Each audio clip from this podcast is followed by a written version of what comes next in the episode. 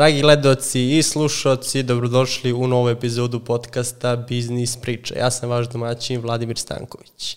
Današnji gost je došao direktno iz Dubaja, a nije Zeka milioner. Današnji gost je pozajmio 2000 evra da ode u Dubaj, radio tamo razne poslo i posle par godina napravio prvi biznis, drugi biznis, treći i danas je vlasnik marketing agencije, radi sa velikim klijentima, sa Vladom Abu Dhabija, sa Vee, i sa još nekim svetskim facama. U pitanju je Marko Kažić. Marko, dobrodošao u Biznis priče. Hvala lepo, bolje te našao. Kako izgledao taj tvoj star? Gledao sam baš onaj mini intervju sa, sa Istokom gde si pričao kako si otišao u Dubaj, šta si tu radio. Ajde čisto da damo neki kratak pregled našim gledocima i slušacima. Kako je to izgledalo? Ti si pozajmio 2000 evra, je li tako? Tako je, da, ono, bavio sam se futbolom, to nije išlo po planu, ovaj, bio sam talent koji se nije pretvorio u profesionalca, ovaj, i onda sam, ono, nisam bio siguran šta u stvari želim da radim i otvorila se ta neka prilika da se ode u Dubaji, a zašto baš Dubaji, možda će i to ljude interesovati, jeste zato što sam pre toga bio u Kataru, to je bila poslednja zemlja u kojoj sam ono, pokušavao da bim ugovor futbalski. I onda sam znao i leto sam preko Dubaja jednom prilikom i onda sam znao ono, kakav je to u stvari grad i čuo sam razne priče i da jednostavno puno ima prilike tamo za da se dobije posao, business opportunities i ostalo i onda sam ovaj, jednostavno odlučio, ok, ajmo, ajmo u Dubai. Otvorila se jedna takođe prilika da, a, iako se nisam i, i dalje se ne bojim modelingom, ali u tom trenutku je to ovaj plaćalo račune. Jednostavno sam a, a, ono, prihvatio tu ponudu i otišao. U pitanju je bio veliki američki brand uh, Abercrombie Fitch i ovaj, A, prihvatio sam to i otišao i onda sam ono, radio za još nekoliko agencija freelancova i eto, to je, to je otprilike bila ta neka priča, ali sam se vrlo brzo ovaj, ono, šistovo, promenio sam kurs jer sam ono, sportista, a, pokušao sam da studiram DIF dve godine i onda sam ono, završio ovaj, u, u, u fitnessu kao i svi ostali, ali sam je bio jedan od prvih naših ljudi koji je napravio tamo ipak ozbiljniju priču ovaj, sa fitness kompanijom koju sam uspio da skelujem preko socijalnih mreža i eto, onda ti je već jasno da kako sam završio u marketingu, da. Jasna priča, ali moguće da svi koji general, to je većina ljudi koji iz Srbije idu baš za Dubaj, svi su fitness treneri, svi su u tom biznisu. E, a da vidi, ima, ima logike za to, ja razumem i svima je preko glave ono kao, a ti si vjerojatno personalni trener ili stewardesa ili bilo šta, znaš, svi idu to da rade, ali jednostavno naši ljudi su kvalitetni, suprimi engleski, e, e, reprezentativni su u svakom smislu, pogotovo u fizičkom i sve ostalo, je tako? Ovaj, a, I ono, generalno pružamo dobru uslugu, ako se a, tiče konkretno ovaj fitnessa, ali tržište je ogromno za to pogotovo u Dubaju, zato što, pazi, svaka zgrada ima teretanu, svaka vila od ovih bogatih ljudi ima neku formu teretane u nekoj garaži ili bilo šta i tako da je jednostavno veliki diment za, za tom uslugom i nije ni čudo što ljudi tamo odu, jel? Odeš i snađeš se vrlo brzo. Tako da ne moraš da radiš, e, ne znam, odeš u Ameriku pa što se ono kaže, ono, e, nosiš nameštaj, ništa nemam protiv toga, naravno svi ljudi se snalaze i ja bi radio isto to da nemam drugu priliku. Ili voziš kamion. Voziš kamion, to je još i dobro plaćeno, ono, neki ljudi ne, ni ne žele to da promene, jel tako, ali ovaj, e, ili radi u restoranima ili šta ja znam, a ovde neko ko je stvarno to radi u struci, radio je u Srbiji, dođe u Dubaj za par meseci, može se snaći ili čak odmah da dobije posao, ovaj, zato što postoji veliki ti svetski lanci teretana koji su tamo, naš, od Gold's Gyma koji su u stvari ugasio zbog korone, Fitness First i ostalo, ne znam da li ljudima poznato, ali ljudima koji su u fitnessu sigurno jeste. Znači ti si tu krenuo prvo da, da radiš, koliko dugo si radio dok nisi dobio neku ideju, e, možda bi ja mogao da probam neki I kad sam i radio sam, ja sam radio, pa to, to je malo zbunilo ljudi i ono sa istokom, znaš, ok, ono, isekli smo, nismo se ni organizovali, mi smo bili na plaži u stvari, razumeš, i ono, i svi nas ljudi pitaju zašto imate one kao narukvice, pa bili smo na plaži, odlučili nešto da snimimo, čak smo i telefonom snimili, seli u kafić i to je to. Ovaj, I onda nismo, možda nisam dovoljno dobro ljudima objasnio kako sam ja to stvari počeo, znači, uopšte nije bilo ni malo lako, radio sam po tri posle i, i dok sam imao tu prvu firmu, ja sam i dalje radio razne druge stvari, znači, verujem, u pauzama na jednom poslu sam išao da ono nekog istreniram ili bilo šta, tako da ono živem na kao što sam ti rekao na krosanima i Starbucksa zato što to jedino moglo se kupi na pumpi i ostalo, tako da tempo je bio jednostavno nenormalan. I uhvatio sam neke dve godine da je apsolutno to nikome ne preporučujem jer nije zdravo pre svega, ali sam jedno dve godine radio sigurno bez dana off, uh, ono e, pet sati sam spavao sigurno i ono, znaš, skupljaš pare da bi jednostavno uložio u nešto, pokrenuo nešto i, ali da, znači, dok sam, kada sam pokrenuo fitness kompaniju i dalje sam radio neke druge stvari dok nismo uposlili dovoljno trenera, dok se, ono, dok nismo razvili brand, ti znaš do, jako dobro, jednostavno potrebno je vreme za to. Čekaj, si ti znao da ćeš napraviti nešto ili si skupljao pare pa ako dođe trenutak pokrenut ću nešto? Ha, to je dobro pitanje. Pa znaš kako, ovaj, bila je neka onako... Ne, Imao si osjećaj, ne? Ču, čudna, ne, samo otići ću korak unazad. Bila je neka čudna porodična situacija gde ono, ja sam morao i da školujem sestru i ovo ono, tako da vodio sam veoma računa o parama, zato sam radio nekoliko poslova i ono, gledao sam da nju ispuštujem, da nju ono, iškolujem, Svaka jer je bila na fakultetu, hvala. Ovaj, Anja je sjajna, ovaj, moja sestra, mnogo pametnija od mene. ovaj, nije, nije kao brat. Uh, ona je završila logopediju, onda je to dugo trajalo, ali ja sam joj pomogao u tom, u tom uh, procesu. Ovaj, I jednostavno onda, da, pomagao sam nju i uz to sam gledao da stavljam pare sa strane i kada sam ih sakupio, ovaj, sa još dva partnera sam otvorio tu fitness kompaniju, to je to. Jel ti bila frka ono sad, ok, sakupljao si pare ono da pomažeš porodicu i sad ti taj novac rizikuješ da kiksneš biznis? Bila mi je malo frka zbog toga iskreno iskreno, ali sam ja to, uh, tu frku rešavao tako što sam radio tri posle i onda sam rekao čekaj, vrati, ja se ovde kidam, razumeš, pa mogu ja nešto da probam u, u svemu tome. Ali sam i čvrsto verovao jer sam znao da ćemo pružiti jako dobru uslugu, shvatio sam da ljudi jednostavno pojma nemaju tamo uh, o kvalitetu usluge, nego sude da li je neko dobar trener ili ne na osnovu fizičkog izgleda. I ja sam samo to, eto, taj moment iskoristio ovaj, uh, u brandingu, pogotovo u marketinškom smislu, kako to da prodamo, to je to. Znači ti si partnera, gde si našao te partnere? E, pa jedan de, dečko je bio, bio naš, znači Srbin i drugi, pa, drugog partnera smo tamo upoznali, znači pošto a, smo saznali, znači ja sam već, ja sam tu bio na studijama, ja sam pokušavao da, da, da se vraćam kao da dajem ispite, mislim pokušavao, moja mama će sad se smeje, više me ona forsirala, gde sam pokušao, mrzalo me, razumeš, ali kao bilo je nekih ono trzaja, grca. Da se vraćaš u Srbiju, da, da se vraćam u Srbiju, pa i jednom sam se i vratio, da, da ne bi ispit psihologija, tako nešto čak sam bi položio. Uglavnom, uh, ali zašto sam totalno batalio? O, ok, uh, shvatio sam da ono, sve to što sam i naučio za dve godine, apsolutno ništa ne koristim, to je prva stvar, znači to teorijski i ovo što je praktično nema veze s vezom, prva stvar, a druga je, nažalost, to što uh, postoji uh, jedna, jedna ustanova koja se zove REPS, uh, siguran sam da fitness treneri znaju, a to je ustanova koja u principu tebi kaže da tvoj DIF nije priznat. I to je za mene bilo šokantno. Čekaj bre. Džaba si studirao. Džaba si studirao. Ali to je ono, izmišljeno da ti uzme još dodatno novca, da ti kod njih odeš i oni tebi kažu ne, ne, ne, tebi treba britanski sertifikat. E ja sam to završio da bi uopšte imao dozvolu za rad. Ovaj, tako da, e, tu smo upoznali trećeg partnera. To je poenta priča, da. I onda smo se dogovorili, bile dobre energije i jednostavno krenuli u to, ovaj, ono, raspodelili smo nekako ovaj, taskove između nas. Ja sam bio zadužen za marketing i nekim delom za sales, ovaj jedan drugar Miša onako za, za operativu i treća osoba, taj stranac, uh, Abdul se zove, uh, on je bio zadužen za um, sve što se tiče uh, licenciranja i uh, kako se zove generalno financija, ono ulaz izlaz novca, kako sve to ide i ostalo. Jer on inženjer po struci, pa ono brojke mu nisu nepoznati, to mu bilo idealno. Vlada matematika, to je dobar put, znači ti si prvo ušao na to tržište, video šta je tu problem i ajde da rešimo taj problem, da uđemo u preduzetništvo, napravim biznis. Tako je, da, da, da. I onda sam našao ono, ono self edukacija, ušao sam na YouTube, malo čitao, ok, kako funkcioniše malo algoritam, šta se tu dešava.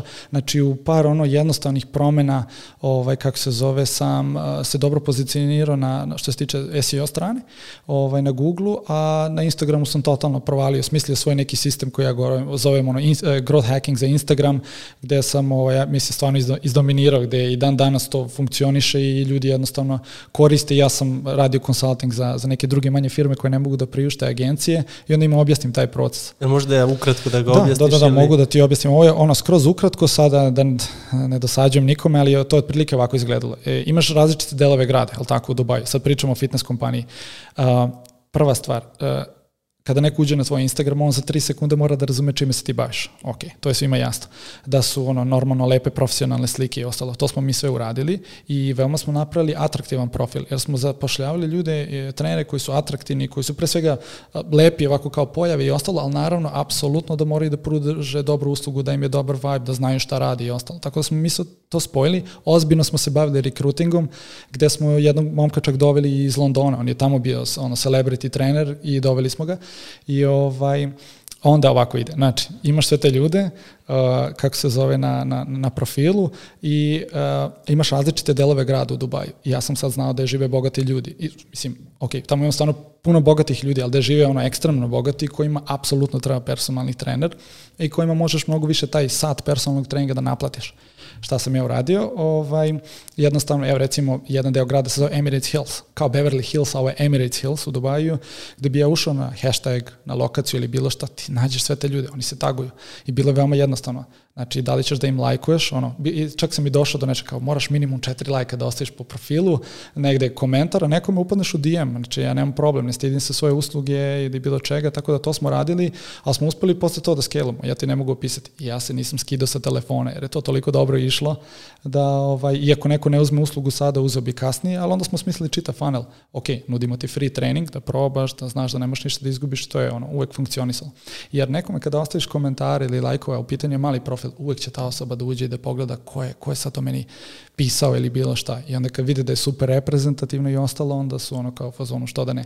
Ali o, imali smo i neke lične kontakte da smo vrlo brzo došli do nekih celebritija, ovaj, da li su to bili pevači ili ovo ili ono, čak smo trenirali mali period, ovaj, neke ljudi iz Royal Family, Dubaja, neke šejke i tako, tako da ono, to je sve dosta otišlo viralno. Onda smo ono, uh, imali razne sponzore, Puma nam je bila sponsor, pa smo organizovali razne, ovaj, kako se zove, uh, evente, um, učestvovali na raznim eventima i organizovali neke, neki onaj calisthenics, ako znaju ljudi, street workout, pa smo organizovali tamo, otvaranje nekog parka, svašta nešto je bilo, jako cool. I u kom smjeru otišao taj biznis?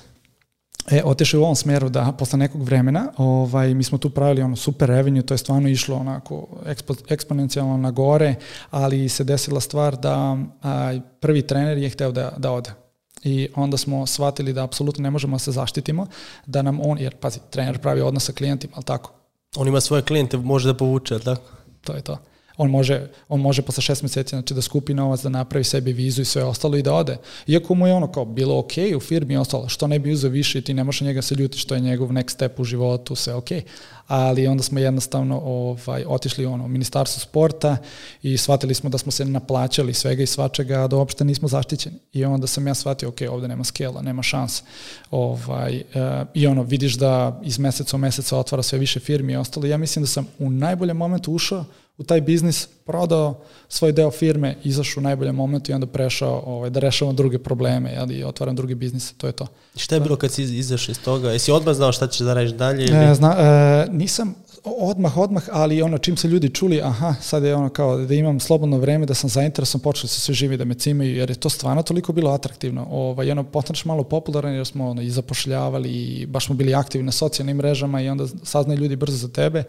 I ja sam shvatio da ono, e, kada sam gledao sve te neke reporte i ostalo, da ljudi imaju problem sa hranom, ako hoćeš da napraviš dobre rezultate, ali tako, nije samo dovoljno da treniraš, ono, čak je taj, uh, taj deo ishrane još bitniji, ali tako? Ovaj, koliko kalorija uneseš i izneseš i sve ostalo, to je potrošiš.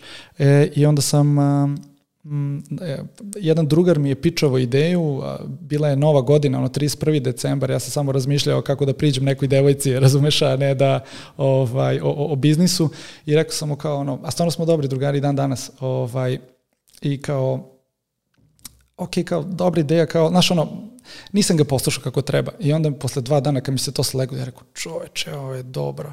I ovaj, onda smo ovaj, set-upovali firmu i ovaj, jednostavno počeli da radimo meal prep. Znači, to su ti planovi ishrane da je plaćaš na mesečnom nivou i svako jutro ti stigne hrana, ono, customize, znači šta god si naručio, koliko god je to ovaj, kalorije i sve ostalo po obroku. I to išlo super i opet, moja marketinška i sales strana je to uspela da skalira i to išlo super ovaj, do jednog trenutka kad se ja nisam napravio pametan i pokušao da otvorim sam. I onda, ovaj, onda je po, išlo na dole. Zamisli kada napraviš biznis koji ima dovoljno klijenata i sve ostalo, ali ne možeš da ostvariš dovoljno dobru maržu jer si operativno ono, napravio zavisiš od svih ovih ljudi. Ne, na, napravio sam totalni haos operativno, znači što se tiče ono, drivera, neko mora da odradi taj delivery ili tako, onda ne znam, e, platio sam mu napred rent za neku kuhinju, za neki restoran u dobrom delu grada, apsolutno to nisam trebao da uradim jer nisu ni mašine bile dobro, malo sam utrčao to sve. Utrčao si, čekaj, ako, ako sam dobro razumeo, ti si hteo da sve to držiš pod koncem, ono, A pre toga si, da kažem, plaćao restorane da to prave, ove ljude koji nose, je li tako? Ili kako Ne, ne, izgleda znači taj biznis? prva, prva, prva priča je bila ovaj, sa partnerima, da je jedan partner, kako se zove, jednostavno već imao kuhinju i sve ostalo. I onda nam je bilo lakše, nije, minimalna su bila ulaganja. Samo smo trebali da istestiramo hranu, delivery, kako to funkcioniše. O, na, ono, ja sam zamolio par drugara, je, recite mi iskreno, je li hrana dobra, je li vam stigla na vreme, je li se nešto prosilo ovo, ono. Kad je to sve bilo ok, onda smo uspeli da skali, skaliramo, ono, e, imali smo Apple kao klijenta, Louis Vuitton a, i ostale druge brendove. Uglavnom su to bile retail radnje, to je interesantno, jer ta, oni ljudi jedu u food courtima, jedu u McDonald'su, Burger Kingu, ovo, a mi smo namestili cenu hrane da bude slična, ovaj, ako ne ista, a jedeš mnogo zdravije i ne moraš da kuvaš i tu ti je već sa tobom, jedeš kada god hoćeš. Znači, ono, stvarno smo rešili ljudima problem. Ali marža bila niska i ti si hteo da imaš i... Marža je bila niska posla, znači posle partnera, nešto smo se dogovorili, jedan od tih partnera čiji je bio restoran, on je morao da zatvori. Iz razloga što je čovjek taj imao 6-7 hotela i otvara je osmi.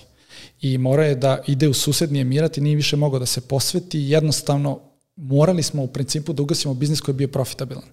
Ono, trenutak, sve ok. Ja rekao, čekaj, neću da stajem, ajde da utrčim odmah ono, sa svojom lovom, idem sam u tu priču i ovaj, onda sam posle par meseci shvatio se malo zezno. Šta je bilo na kraju, izlazim ili... A, a, na kraju je bilo, shvataš da ono, ako sačekaš još par meseci, izgubit ćeš još više novca i onda upadneš u depresiju. E sad dolazimo i to, do te depresije. Koje godine je to bilo? Spomenuo si to. Znači, vidi, slagaću te, nisam siguran. Recimo 2018. 2018. Mislim da je 2018. Da. Pa depresija, zato što, znaš, sve ti do tada ide glatko, misliš da si najpametniji, ovaj, i jednostavno ti, ti onda neko lupi taj neki šamar, preduzetnički, e, to je najbolja stvar koja mi se desila u životu, veliki gubitak novca, veliki, ovaj, tako da to je to. Šta dalje raditi? Ono, u kom trenutku si ti prepoznao, ej, ja sam u depresiji.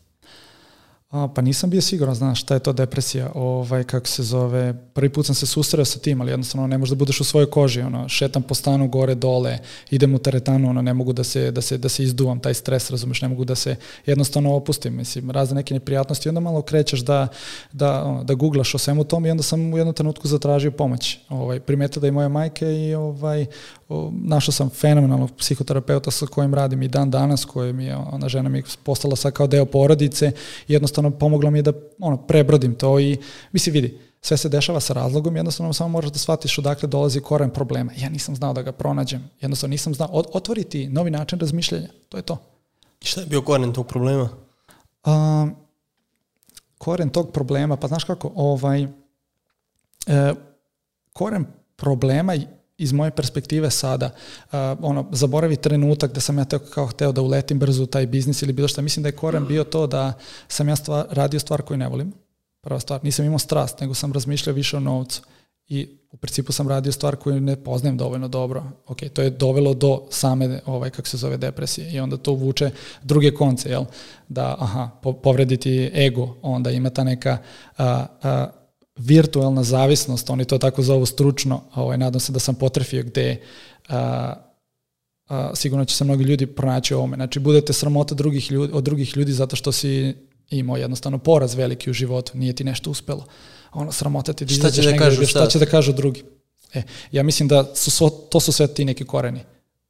Ali ovaj poslednji možda je, je najgori, jer on kad se sve to skupi kao kombinacija, to ti je to, depresija. Bio si uspešan, išlo je sve super i šta sad da, da I šta sad, šta sam sam ja kao sam. neuspešan, znaš, i onda shvatiš pa čekaj bre, poraz je sastavni deo života i to mi je mnogo promenilo kurs. Ovo čime se sada bavim, ljudima sa kojima sada sarađujem, apsolutno ne bi mogao da sarađujem sa, sa njima i na ovom nivou da mi se to nije desilo, jer me nataralo da se promenim.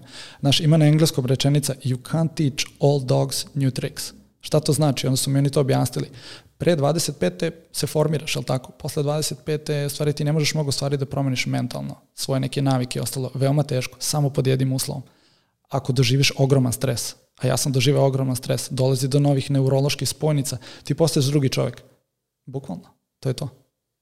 To je bio taj trenutak kad si rekao, ono, Pa to je proces. Mislim, nije samo trenutak, trenutak kada ti padneš i onda je proces tvog ispravljanja, da želiš da radiš na tome, ali onda sam shvatio koliki sam u stvari borac, koliko sam u stvari motivisan. Nikada, ni u tom najgorem trenutku nisam pomislio, aha, sad ću ja da stanem ili neću se baviti ovim ili bilo šta. E to, tu sam shvatio srž, ono, tu neku, ono, moju snagu, to je to. Jer i sada, šta, evo ja sad imam agenciju, ako izgubim par klijenata ili bilo šta, koji su većih, jer ja ne idem na, na kako se zove, kvantitet, nego na ajde da kažemo kvalitet, ili tako da radim sa, sa ljudima s kojima imam i super vibe koji mogu super da plati, da su interesantni projekti i ostalo. Ako mi se desi kik sa njima, ne zbog moje loše usluge, nego njima se nešto desi korona. Nemaju više marketinške budžete i ostalo. Ja ću imati problem, razumeš, ali nema veze. Ja sada sam confident zato što ja imam skill sa kojim mogu da preživim ili bilo šta. I to nekoliko životnih skillova, pa i da promenim karijeru i to ti je srž toga. I tako onda znaš da se više depresije neće više desiti. Mogu da budu loši dani, ali nema se. Idemo dalje. Ubiće nas zbog engleskih reči. da, znaš, a izvinjamo se zbog anglicizma. Šalim se. I ti si u tom trenutku, ono, ušao si u taj proces i otišao si da putuješ, ono.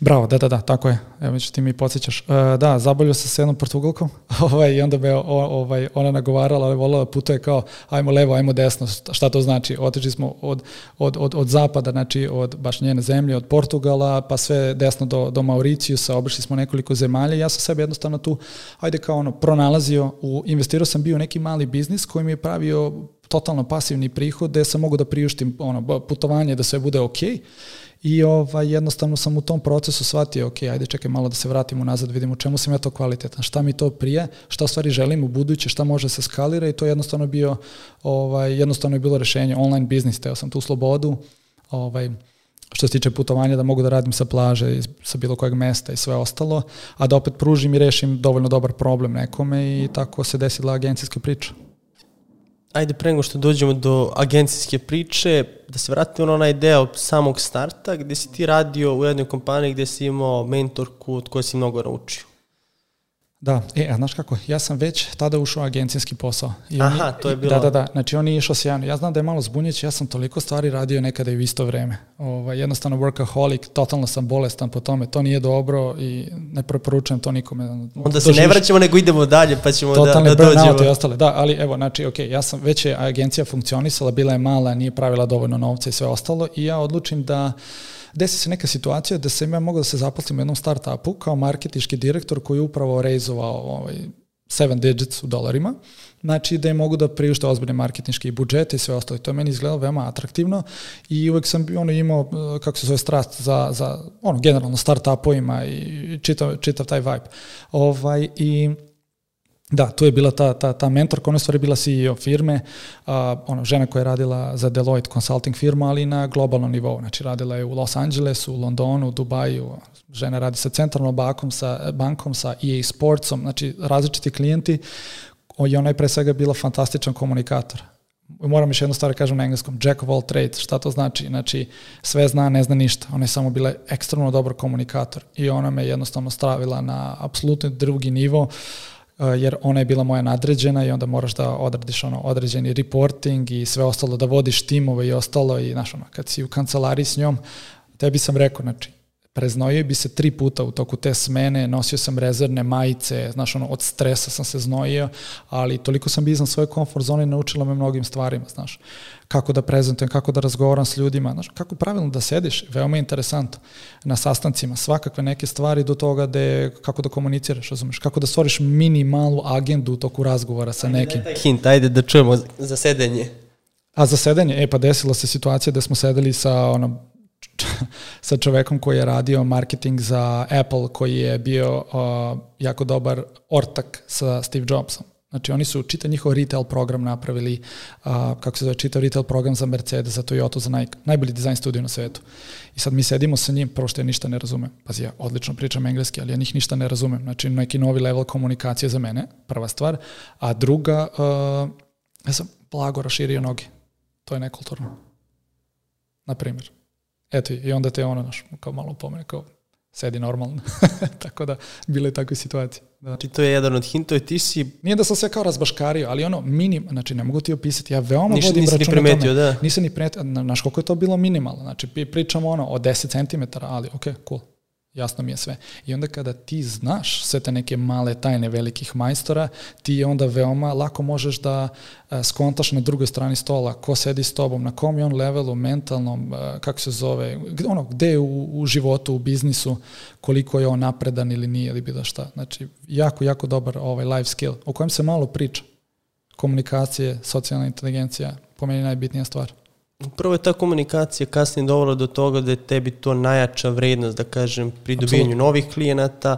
Pitao, pitao sam te, postoji milion agencija marketinških, pitao sam te kako se ti uopšte izdvajaš iz tog mora agencija i ti si mi rekao, ajde, da, da ne pričaš šta si mi rekao, možeš da, da ponoviš sada. Da, da, može. Pa, znači, ja sam uvijek bio dobar komunikator. Uvek. Ali ona me izbrusila. Znaš, ono, kao, kao dijamant kad je izbrusiš. I ona me stavila jednostavno na neki novi level. Um, ovako. Uh, Što se tiče neki naš elevator pitch je ovako sledeći. Ja razumem ko je na drugoj strani. Prvo odradim taj neki homework svoj domaći da vidim ko sedi na drugoj strani, je tako? Čime se, ovaj, kako se zove, ti ljudi ovaj, bave. Da li je to usluga, da li je to neki prodavanje nekog proizvoda i ostalo. Šta su odradili ovaj, prethodno. I dolazim naravno spreman na sastanak i gledam da ih opustim, da vidim koliko oni stvari znaju o marketingu, da li su ono neko, nešto tight na budžetu ili nisu. Provali sve te neke stvari i onda kreneš ovako. Uh, ja sam pre svega preduz preduzetnik, ja razumem kada vi meni date jedan dolar, ja treba da vam napravim tri. Bio sam ovaj, kako se zove, u vašoj koži, u vašoj situaciji, ja apsolutno razmišljam ono, na duge staze sa vama i ne želim da vam prodam nešto što vam trenutno ne može pomoći. Ja hoću da vam dokažem da ovaj, prvo mi možemo da odradimo dobar posao, kada vam dokažem, onda ćemo upsellovati, dodavati usluge i ostalo. Možeš, učiniš ih jednostavno komfortni. Mislim da je to neki najbitniji USP kod mene, ali takođe moram da napomene da ja imam dobar personalni brand, ne u volumenu followera, već u tome da svi ljudi sa kojima radim znaju da sam ono, legit u poslu, nikada nikog nisam prevario ili bilo šta i ono, pružamo dobru uslugu, tako da ima i taj aspekt, oni već dolaze sa nekim određenim mindsetom na taj sastanak. Ali uvek uh, krenem iz te perspektive, da. Da sam preduzetnik, da nisam neki marketar, jer većina marketara a, nikada nije ranovala nikakav biznis. Tako da ja, mi onako stvarno holistički sagledavamo nečiju situaciju. Ako pričamo o teretani, ja razmišljam i da li on ima i parking mesto, a ne da li je lep Instagram. E, Razumeš to ceo biznis. Ceo biznis, inside out. I postavljam, i onda se oni iznenade, znači ja njih ozbiljno challenge Šta vam pravi najviše novca? A, kakav vam je sales funnel? Da li ono, kad cold callujete ide bolje ili kroz Instagram ili PPC, šta ste radi? A, mislim, istresem ih skroz, tako da to je, to je moj approach. Hajde da imamo sad tranziciju sa tog prvog klijenta kad se krenuo agencijski biznis, kako izgledao prvi klijent i onda kako izgledaju današnji klijenti, kako izgledala ta tranzicija? Je prvi klijent bio neki veliki klijent? Ne, ili? apsolutno mali klijent, klijent, neki novčanici su bili u pitanju da smo apsolutno ono, ultra lošu uslugu pružili, nismo uspeli ni dobre fotografije da im napravimo, jer sam ja razmišljao samo o maržama i zaposlio sam ljude koji su ono odradili ono, jeftin posao i onda dobiješ eto, i, i loš outcome, razumeš. I jednostavno klijent nije bio zadovoljan, tako da smo ga i izgubili na kraju, ali onda sam ovaj, a, ja sam gledao kako da se pozicioniram i u čitavom tom procesu sam gledao da naučim što više i tu sam počeo, tu sam napravio kolaboraciju sa Gary Vijem, da sam jednostavno ono, jurio njihov tim da vidim kako ja mogu da radim s njima i posle ono nedelja nekog jurenja ja vidim da oni traže ovaj, nekoga da im vodi jedan deo internacionalne strategije, jer Gerijev brand je tada bio ekspanziji i mnogo su prevodili njegov kontent na različite jezike i onda je tu bilo mnogo prostora za rad, naravno volonterski. Ali je meni to značilo zato što sam mogao da zavežem Gerija za svoj brand. Šta se desilo, kako sam uspeo ono mini da skaliram, jeste da uh, gledao sam, ok, kako mogu da networkujem sa ljudima iz svoje industrije, potencijalnim klijentima i ostalo. Saznam za jedan event ovaj, koji je organizovala jedna Portugalka koja je jako dobra u edukacijama. Nešto što je isto kao ovde, je tako, ona je u Dubaju, da tako kažemo. I ona je organizovala event gde je došlo ono, e, tipa 100-150 ljudi ovaj, koji imaju sličan mindset, koji interesuje marketing i sve ostalo. I pazi sad, ona drži predavanje, ja sam u publici, sve se snima, ovo ono, I ja vidim prezentaciju, ona predaje makro i mikro content, onaj, onaj Gary V content model. Znaš da je on izbacio jedan PDF od 60-70 strana. Ja rekao, čoveče, ono, ja učestvujem u tom procesu, ono, radim sa njim, ja zna, znam to. Čak ona, ona stavila svoje, svoje ime stavila, samo. Svoje ime stavila, promenila boje i kao, ono, mislim, ok, ali baš se nije potrudila, znači baš je ono copy-paste bio ozbiljan. I sad uh, ona, znaš, malo se pravi važna i sad ona u publici ovaj, postavlja pitanja, ide mikrofon, ono niko ne može da odgovori sve do pete i ona je pitanje je bilo da li vi znate šta je makro, šta je mikro content i kako se to sve radi i distribucija tog kontenta i ostalo. I ja sam otišao sa drugaricom i sad ona vidi da sam ja podigao ruku. Kaže ona, pa čuti, kao ti ne znaš ovo, kao izblamirat ćeš se. Ja rekao, pusti se. Ja dižem ruku, ono, svetla uperena na mene, dolazi kamerman, ovo ono. I ja odgovorim na pitanje i ona nastavlja konverzaciju, nije zatvorila tu priču. Kako ti to znaš? Ja rekao, pa ja jedan deo toga radim za Gary Vee. E, kako sam rekao Gary Vee, 150 ljudi je pogledalo u mene. Taj event se završio recimo u 6. Ja sam ostao do 9, još 2-3 sata, svako mi dao biznis karticu, svako je teo da radi sa mnom. Ja rekao, wow, čovječe, moguće ovo, samo zato što je to ime bilo zavezano i nešto si radio s njim. I onda, znaš, onda sam tu dobio par manjih klinata, već sam shvatio gde sam pogrešio, pa sam ovaj, uh, on, počeo da zapošljavam bolje ljude i onda je krenulo. Jesi rekao, iskopi, jesi rekao iskopirala si prezentaciju? Ne, nisam, nisam. Ne, nisam, nisam, nisam teo, pa zašto bio, neko radi svoj posao, sve okej. Okay. I znači ti si tu se umrežio sa ljudima i krenuo si već da, da dobiješ klijente. Samo zbog te, da kažem, male stvari gde si ti odvažio da kažeš, e, ja to znam, Da, ali pazi, odvažio sam se uopšte da dođem, znaš, ono, sramota te, ne znaš nikog i sad ti ne znaš koliko ti znaš ili ne znaš, ali iskreno onda sam shvatio stvari koliko ja znam, jer ja sam prošao kroz pakao prve, druge firme i ostalo, ti ljudi su samo tamo nešto znaju oko socijalnih mreža. I onda dobiš confidence. Više mi je do, confidence, do confidence bilo nego do tih par samopouzdanja, izvinjam Samopouzdanja. Samopouzdanje, nego do tih prvih par a, malih klijenata. Ja sam odmah kasnije ovaj, dobio klijente iz mreže, moje personalne mreže ljudi koje poznajem. Znači nije me više interesa ona ili ti ljudi koji sam upoznao na eventu i ostalo. To je samo bio ono neki turning point, to je to. I onda dolazimo do tih većih klijenata. Kako si to zatvarao, jer si odmah uzimo da kažem da moramo da zaradimo od našeg prvog angažmana ili si čekao ajmo da izgradimo poverenje pa ćemo kasnije da zaradimo mi od tebe? Da, znaš kako, onda sam znaš, već mnogo naučio, prošao sto puta kroz te neke procese i onda sam rekao, ok, sada okrećemo priču, otvorio sam agenciju, to jest rebrandirao je Amadeo, koji dan danas postoji i radi i ovaj počeli smo da zapošljavamo pre svega, kao što si rekao, kvalitetne ljude, jer e, ja sam shvatio da mi nismo ni u marketingu, ni u prodaji, ni omeno, jesmo nekim delom, a sam ja kao lider o, ove priče u stvari uh, u HR-u ili ti rekrutmentu. Zašto? Jer ako ja zaposlim što boljeg dizajnera uh, ili što boljeg account menadžera, moj proces će biti bolji, moći ću da pičujem bolje klijente i ostalo. Moći ću, recimo, ako ima dobar dizajnera, ja ću moći da učestvujem na uh, većem levelu na, recimo, tenderu za neki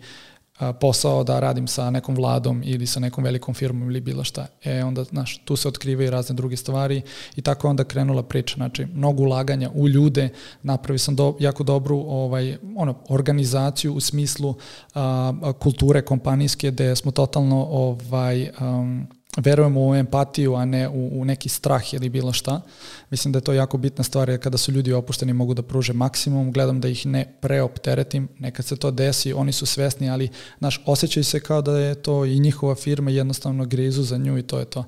Jednostavno, moraš da pružiš, ne možeš da budeš ala, moraš da daš da bi dobio. Kako doći do, do tih ljudi? Svi se bore za te ljude. Kako si ti došao do takvih kvalitetnih ljudi? E, misliš do zaposlenih? Pa do zaposlenih, pa da. Pa znaš šta, ima, e, ne, neki od njih su mi se čak javili na Instagramu. Mnogo ljudi mi se stvarno javlja, ono, žele da dobiju, ovaj, kako se zove, da dođu na praksu i ovo i ono, ali onda je bila ozbiljniji tizenera koji su se ponudili da rade za mene i to je zahvaljujući drugim agencijama koje očigledno ne brinu o svojim ljudima. Tako da zbog njih sam dobio, ne previše zbog sebe. Ali, znaš kako, to je, uh, ja ono, gradim brend od sebe i ja se stvarno držim svojih uh, vrednosti. Znači, to što kažem, tako jeste. I oni sad, bilo koga da pozoveš i pitaš, ovaj, oni, oni će da ti potvrde ovo, ovo što ti ja sada govorim. Kontaktiraj ih na LinkedInu, proveri. Pro, probaću, probaću, ali si, da kažem, spomenuo si sad da si uzimo ili su dolazili ljudi iz drugih agencija zato što su bili nezadovoljni. Baš jedan od prethodnih gosti je pričao o tom agencijskom modelu i kaže da a, dosta agencijski model ugrožavaju, na primjer, gaming kompanije, IT firme koje imaju ne mogu da ponude bolje uslove, agencije, bar pričamo o agencijama u Srbiji, drže dosta niske, niske zarade, niske plate i ljudi, a radi se pun gas, i onda se tim ljudima koji su već sposobni više isplati da rade u IT kompanijama gde su prepoznate njihove vrednosti, to je situacija u Srbiji. Sad, kako ti u Dubaju ono da budeš konkurentan, da kažem, da imaš vrhunske ljude da bi mogo da radiš te vrhunske projekte? Šta još pored toga, ono, da kažem, rekli smo branding, daš im bolju platu, jer si možda koristio to da ponudiš, znaš ko radi ovde, evo ti bolja plata, bolji uslovi, ćeš da pređeš kod Apsolutno. nas. Apsolutno, da, da, da.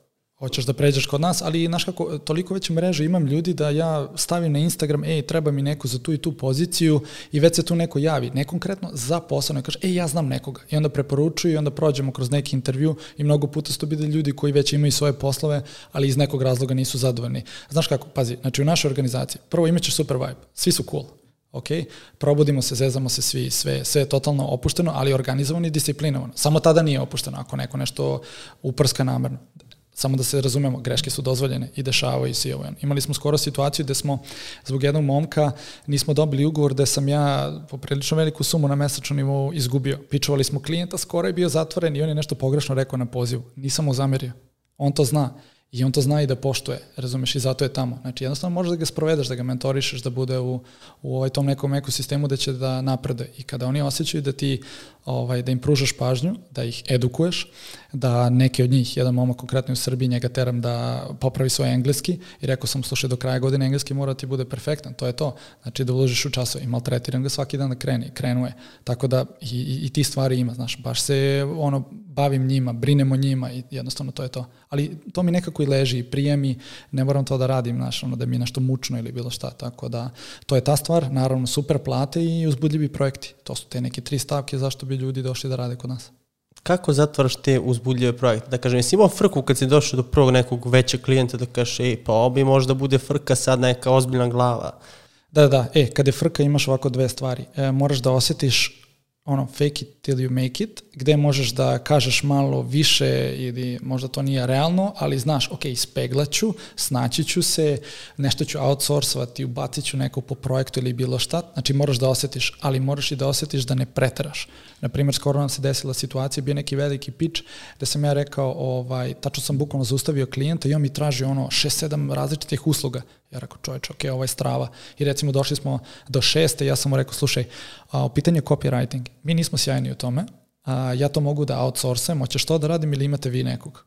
On kaže hvala ti na iskrenosti to je to. Jer ja znam koliko je copywriting u njegovom slučaju bio bitan u njegovom biznisu i znam da to ne možemo kvalitetno da pokrijemo i kažemo. Znači otvorenost, transparentnost i anticipacija da to potencijalno može bude problem. Jer ja znam da ja od njega mogu da dobijem još mnogo više posla. Zašto da budem alav danas kada u sledeći tri meseca mogu da dobijem mnogo više ako sam korektan. I sad imaš dobra anegdota, ono kako procenjuješ klijente na osnovu sata da li nose fake sat ili ne? Kako je to izgledalo? Da, pa prvo opet ova komunikacija, kad sednem, ono, vidiš kako neko sedi, kako naručuje bilo šta, ono, gledajte u oči ili šta ja znam, ovaj, e, do toga, ono, kako je, kako je odeven i sve ostalo i kako mu funkcioniše biznis, koliko ima zaposlenih, gde je otvorena ta firma, gde je moja kancelarija, u kojem delu grada, svakog ti neki ono, mali fazoni i onda Sad, sad i ne znam, znaš, nisam previše razmišljao o tome, sad mi to već nekako dolazi prirodno da bi ti rekao još nešto, ali od prilike to tako ide. Da. I šta zavisi od toga? Ona, li zavisi cena od toga ili... Nekada zavisi cena od toga, naravno. I vidi, ako ja saznam da je Sony radili sa nekim... Ja, ja, ja nikada, ok, znam, ne idem ispod svog minimuma, ok, ali ako znam da naplatim više, ja se izvinjam, ko ne bi naplatio više? Jel treba sad nekog ovde da lažemo ili bilo šta, pa naravno da ću da, da pokušam ako mogu. Ovaj, a, I onda jednostavno znaš, ok, ovo je cena za ovog velikog klijenta, jer pazi, ima interesantna stvar, ako si prejeftin možda neće te uzme. Veliki klijent. To je interesantna stvar. Jer jeftino nije kvalitetno. Jeftino, pomislit će nije kvalitetno ili bilo šta znaš. Tako da ima, ima i čak i taj aspekt, verovali ili ne, ali tako je. Sve utiče, znači kad dolaze ljudi na sastanak sa, sa tobom da ne nose sat. nije, nemoj tako, nije zbog toga. Pa ja prvi ne nosim sat, ja nisam opterećen time, ali samo sam ti to dao kao banalan primer, da, da, da. Šalim se što se, što se toga tiče, ali sad kad nudiš usluge generalno agencijske, koje su tu usluge koje se najviše traže? Šta najviše prodeš, da kažem? To je SEO, Ok, da, SEO ide cool, to je, to je skroz u redu, ali mislim da sada u poslednje vreme najviše, najbolje idu ovaj, usluge brandinga i dizajna. Mislim da je to, da je to onako ovaj, nešto što, što nama sada leži, pogotovo zbog ovih par zaposlenih koje smo poslednje vreme uveli u, u, u tim i ovaj, oni odrađuju vrhunski posao, znači bukvalno na, na svetskom nivou. Tako da onda sam ja dovoljno, dovoljno sam poznanje imam da mogu to da prodam, da mogu da pičem velike klijente, tako da, ajde, rekao bi, to su te neke usluge. Ali mi se predstavljamo kao ono full cycle solutions agencija, ne kao sama marketnička agencija, jer je, e, šta me nervira, bukvalno, jer toliko postao sam kao papaga i stalno to ponavljam i potencijalnim klijentima i prijateljima. Mi ne radimo samo social media marketing ili samo adove, performance marketing i ostalo, pokrivamo sve i sve ostalo. Znači, od, od, od um, A do Š. Znači, završavate se, ali postoje neke usluge koje su ono, da kažem, ulaznica gde ti prodaš prvo ovo, pa ćeš kasnije, da kažem, znaš gde ćeš više da, da zaradiš.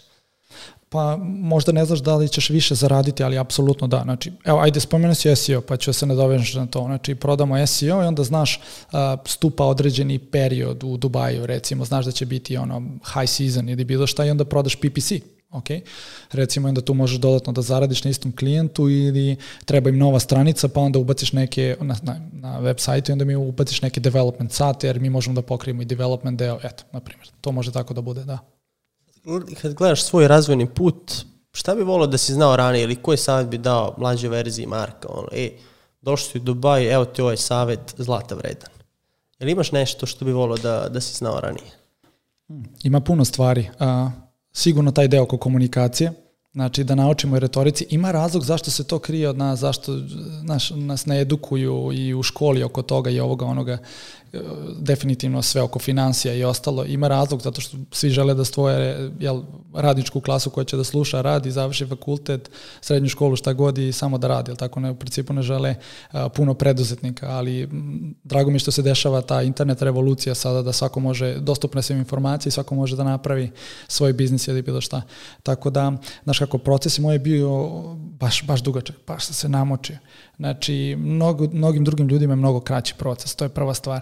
I onda volio bi da sam imao te ovaj, informacije i zato sam, evo, evo ti znaš, možemo malo da taknemo tu temu, ovaj, ja otvaram i drugu firmu, ti to znaš, to je pitanje, ta edu, edukativna platforma gde mi je stvarno cilj da rešim ljudima upravo taj problem. Znači, da stavimo toliko kvalitetnih kurseva koje će da drže pre svega poznati ljudi iz poznatih industrija. Nešto slično kao master class, ovaj, da to stvarno bude na svetskom globalnom nivou, ali da e, da ne bude taj kao edutainment, da bude samo interesantno i da se da, da, da gledaš na to kao da se Netflix. osjećaš malo pametnije nego da gledaš Netflix, tako da, a ovaj, u stvari ne naučiš ništa, kao Gordon, Gordon Ramsay koji je poznati kuvar pravi omlet i kao sad šta, a jel mi to nešto funkcion, pomaže u vođenju restorana kao biznisa ili bilo čega, ne. E ja hoću to da okrenem, želim da napravim platformu koja će imati recimo subscription model koji će svako plaćati na mesečnom nivou kao što je ono e, cena telefonskog računa gde će svaki preduzetnik apsolutno moći da dobije e, znači tokom vremena sve informacije, znači različite kurseve na različite teme i jednostavno šta je cilj, da se sad konačno vratim i ti odgovorim, jeste da mojih osam godina, ako sam imao prave informacije, od pravih ljudi su mojih osam godina tog penjenja ka nekom uspehu mogli su da bude u četiri godine. Razumeš, znači, mnogo sam se naplaćao ručkova, večera, kafa, išao, gubio mnogo vremena. Knjigovođa. da bi, da bi, da bi, razumeš, naš, naučio neku malu stvar, koju sam mogao eto na možda da pronađem na internetu ili bilo šta. Tako da eto to mi je to mi je cilj. Ne bih nešto posebno izdvojio. Uh, da. Da, definitivno. Meni nešto leži što sam primetio kod naših ljudi. Zato govorim komunikacija. Mnogo ljudi su kvalitetni, pruži dobru uslugu i ostalo, ali komunikacija nije dobra. Engleski jezik isto problem. A te dve stvari, uh, ljudi koji već rade, recimo u IT kompanijama i bilo šta, ako mogu da poprave, ali stvarno na jedan zavidan nivo, oni, oni mogu da radu bilo gde, bilo gde. Znači imali bi još mnogo ospiljnije karijere. Koje su to dve stvari? Rekao si engleski komunikacija? Engleski komunikacija bolje, da. Znači ljudi imate dve stvari za popravku i za preporuku, a inače najviše radiš kad zapošljavaš sa ljudima koji su iz Srbije, ali tako? E, da, ima ljudi iz Srbije, ali naš, moram da ih imam i iz drugih delova sveta. Ne znam, recimo imamo i neki dizajnere u Rusiji, animatore, imamo i, ovaj, kako se zove, naravno, copywritere za arapski, moraš imati odande, tako da da, to je to. E sad, kad pričamo, na primer, dosta ljudi ti se javlja, ej Marko, hoću ja da dođem da radim u Dubaju, da napravim neku karijeru tamo. Šta ti tim ljudima savjetuješ koji kreću tamo od nule kao što si ti krenuo? Ok, prva stvar je, znam da će posle ovog podcasta isto ljudi pisati. Ja se, ja pokušavam svakome da odgovorim na poruku, ako nekada kasnim da se ljudi ovaj, ne uvrede, ali bukvalno snimam svima zvučne poruke, svakome pokušam da dam neku vrednost, savet ovaj, e, i pokušam se ne pravim pametan uopšte. Svakome je put drugačiji, to je prva stvar. Ja samo kažem da jako, mislim da su ljudi postali malo lenji, znači postavljaju mi neka banalna pitanja, e, znaš kao, e, kako da dođem, je da, ne znam, taj taj posao, taj ta, kako se zove, branša, da li se tamo dobro zarađuje? Pa to si znao i sam ajde istraži malo više pa mi postavi neko konkretnije pitanje kad si već saznao stvari pa da me pitaš, e, jer imaš kontakt za tu branšu, evo ti moj CV, šta misliš, on pa te ja mogu spojiti s nekim, jer mi je to sekund posla i ja se odatle izlačim. Znači, ne trošim svoje vreme, osjećam se dobro, pomogao sa nekom i to je to. Prva A već si vidio da se neko potrudio, da je tražio odgovor, da već... Bravo, upravo to. Znači, vidim po načinu kako pošalju poruke da se radi o nekom koji je pre svega ono, kultura, normalan i ostalo, da dobijam svakakve poruke, razumeš?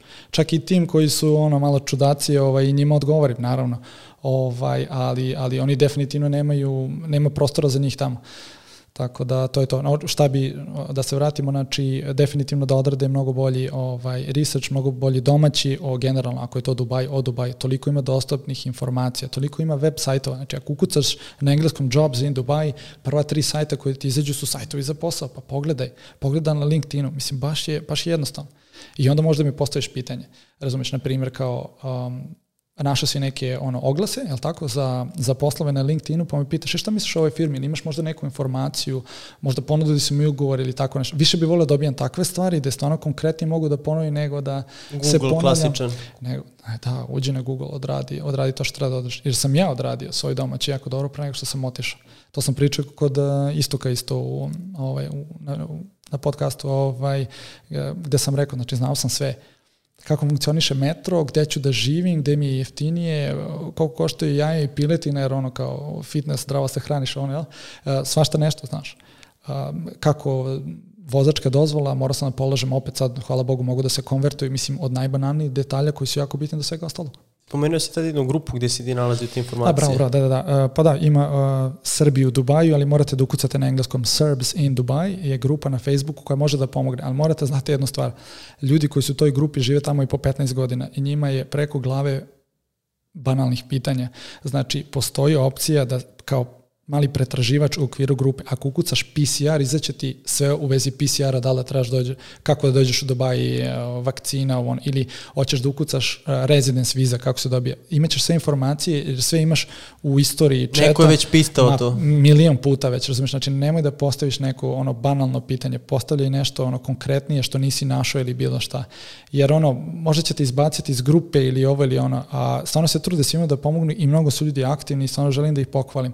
Ima ljudi tamo naše koji apsolutno nemaju benefite od toga, a baš su voljni da pruže informacije. Kod istoka sam rekao, znači, naš koliko puta se desilo da pročitam, ljudi pišu gde možemo nađemo plazmu u Dubaju. Da, iz Google ili nešto, pogledaj, pogledaj u toj grupi i naći ćeš ime te radnje ili sajta preko kojeg možda naročeš, nemoj da spamoš. Kako to komentarišeš da smo se ulenjili da bukvalno jedna pretraga nas deli tog rezultata, ali je meni lakše da ja tebe pozovem ili da te pitam, da ti meni ukucaš pa da mi javiš taj rezultat. Kako to komentarišeš? Pa ne znam, oni imam osjećaj kao da ljudi uzimaju zdravo za gotovo, uopšte ne razmišljaju drugo to je toliko ne, nepromišljeno, znaš, kao uh, Pa ja sam poprilično siguran, znači u poziciji u kojoj sam, znači ti tražiš posao, ja sam sad se potrudio i radio i ajde kao na nekom sam nivou, pa ja sigurno imam manje vremena od tebe kako ne razmišljaš, ne poštuješ ni mene, moje vreme i da mi postaviš tako pitanje ili bilo šta, a ja ću još da se potrudim, iako nemam ništa od toga da ti odgovorim i da ti pomognem. Pa daj onda, ispoštuj me. Znači ja to shvatam kao nepoštovanje, stvarno. Već mi je ono malo, uh, nekada bilo i ono kao preko glave, neću, neću da, da, da to zvuči loše. Molim vas, pišite mi dalje. Želim da pomognem svima, ali eto, samo malo da se ispoštuje i moje vreme, da, da stvarno ne budu tako banalna pitanja i poruke. Zašto? Ne znam. Možda internet kriv, ne znam, ovaj, brzopletost, nepromišljenost dovoljna, eto, to je to. Bukvalno se to znam da je Dalek pričao da čak par puta odgovori, to je pošalja linka Google-a, ono, gde su pitanja očigledna. Kako da samo se ukuca Eto, prv... Alike, Alike, Alike kreativan. on, je, on je rešio, rešio problem i samo taj prvi rezultat, to je to prvi, ako nije onda je drugi ti se rešio ceo problem. Ti već kad imaš konkretno pitanje, svako posebno ljudi koji su zauzeti, vole da vide ono, i imam konkretno pitanje koje sam ti postavio, gde ja možda i treba da uključim mozak, ono, ej, vidiš ovo kreativno pitanje, odgovorit ću ti ono, i znam da će ti to značiti. Šta tebi znači da sam ti ja odgovorio ili si našao na prvom rezultatu Google-a, nema nikakve veze. Totalno si pravo, moram da te pohvalim da stanemo. Znači, baš mi daješ prostora da pričam svaka časta. Aplauz je, aplauz je tu, to ono što su mi zamerali, Kaže, neboj da prekidaš Stvarno? gosta, neboj da prekidaš gosta. Čak možda i ova konverzacija kad se bude slušala na slušalica, bit će kao, prekidao si gosta, ali vidiš ti, na primjer, nemaš utisak da za te... Nemam utisak ni malo, znači baš ono, baš mi ostavljaš prostora, rekao vidio, ovo je super. Još da pričaš još, još koliko hoćeš. Ono što, što mi je bilo zanimljivo, baš sam gledao i kad izašao klip sa, sa istokom i sada to je postalo bukvalno viralno, 150.000 ljudi je, je videlo kako ti se život promijenio nakon toga. Pa da, ono, jer ja se uvijek zezam, ono, volim svoju zemlju, dolazim ovde, čitao poenta, internet mog biznisa je da mogu da dođem ovde kako hoću da budem sa svojima i sve ostalo, da budem totalno fleksibilan, ovaj, tako u tom geografskom smislu, a ovaj, a, i, i onda, ajde, Istok me zamolio za taj intervju, se, stvarno ne znam, ne pratim puno ovde scenu, šta se dešava, sad malo više pratim jer sam upoznao Aleka, on je sjajan, stvarno moj, moj mlađi brat, ovaj, i on me spojio sa Istokom, Istok je dolazio u Dubaji na odmor, uh, isto fenomenalan, fenomenalan lik, baš mi je ovaj, on super, uvek, uvek rado ovaj, se čujem s njim popričam i uh, jednostavno on je rekao, ajde napravimo neki intervju, bit će ovo ljudima interesantno, ma nisam imao pojma da će da ode viralno, tako da ono, od toga da me mnogo ljudi dodalo sa naših prostora i ostalo saznalo za mene, jer vidi, ja sam već 8 godina samo u Dubaju, a pre toga sam isto živao Island, Singapur, Katar, svuda, Slovenija, svuda, tako da ja sam i dan danas ono u Beogradu u principu kao turista, tako da ovaj, baš, baš, se, baš se promenilo, mnogo ljudi mi zove, evo ti ja sad sedimo, mnogo mi je drago da sam te upoznao i što sam gost ovde i to mi je, to mi je baš cool, tako da ja gledam gledamo na socijalne mreže mnogo, mnogo pozitivno, na stvarno ne hitujemo ovaj, što se ono kaže, neko može ti da nož, možeš da isečeš hleb, možeš da ubiš čoveka, jel? tako da ja gledam pozitivno, ja ću upoznati mnogo drugih pametnih ljudi od sebe, nove stvari, o, otvoriti se nove mogućnosti, nove ideje i sve ostalo, tako da apsolutno pozitivno, ali da, inbox mi je preplavljen možemo da očekujemo da će biti nakon ovog podcasta. A neka bude, nema se, hvala I sad Bogu. spomenuo si networking, on upoznao si Aleka, on ti je preporučio isto, kao onda si upoznao on. Koliko ti je značio za generalni biznis i pre Dubaja i na, u Dubaju i za agenciju, koliko ti je značio taj networking, ti ljudi, ti ljudi koje si poznavao, da pokažem čisto gledalcima i slušacima, posebno mlađima, koliko je to bitna stavka, znači u biznisu, Pa definitivno su se izrodili neke nove ideje. To je, to je meni već prevelika vrednost, stvarno da vidim šta ljudi rade ovde, drugačije tržište. A, recimo u samom tom procesu sada ovaj, pravljenja edukativne platforme, vidiš koliko je istog dobar lik da se ponudio da pomogne. Potpuno besplatno, on nema nikakav interes u tome, razumeš, ovaj, i pomogao nam je sa nekim super savjetima kako da izdevelopujemo platformu i ostalo. Znači, izmasirali smo čoveka ono tri sata, tako da je to recimo to je jedna, jedna lepka stavka koja se izrodila.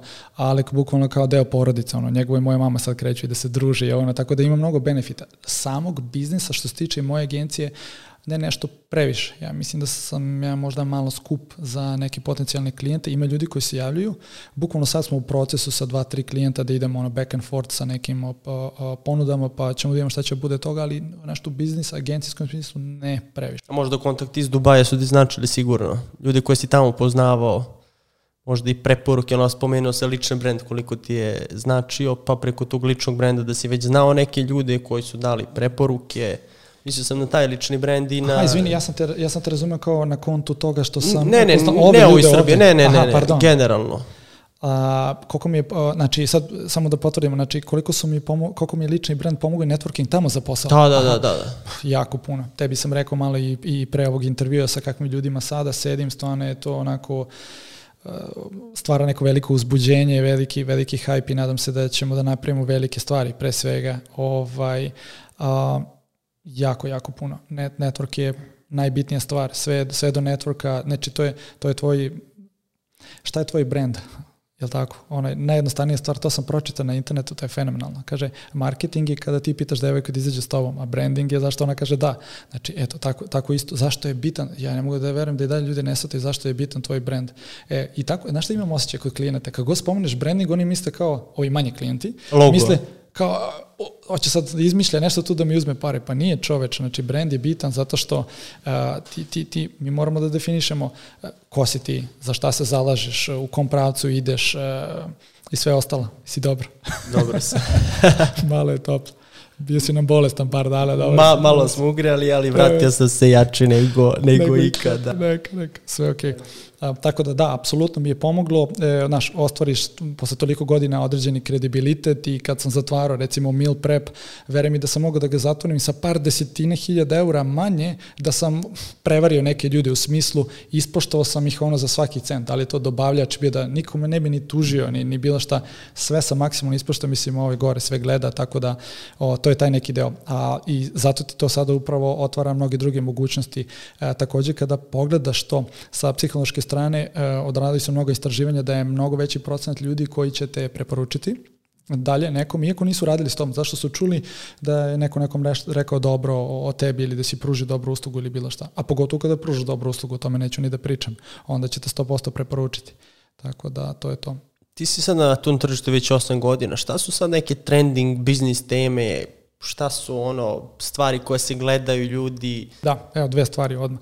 To je baš easy. Fintech i kako se zove e, edutech. Znači, uh, apsolutno. Znači, I to je onda, još ako sve to može da bude na blockchainu, onda je to strava. Zato što puno ima, ovaj, kako se zove, tih preduzetničkih hubova, puno ima VC-eva. Uh, a, to su, znači, fondovi, uh, grupe ljudi, grupacije koje ulažu u druge biznise, je tako?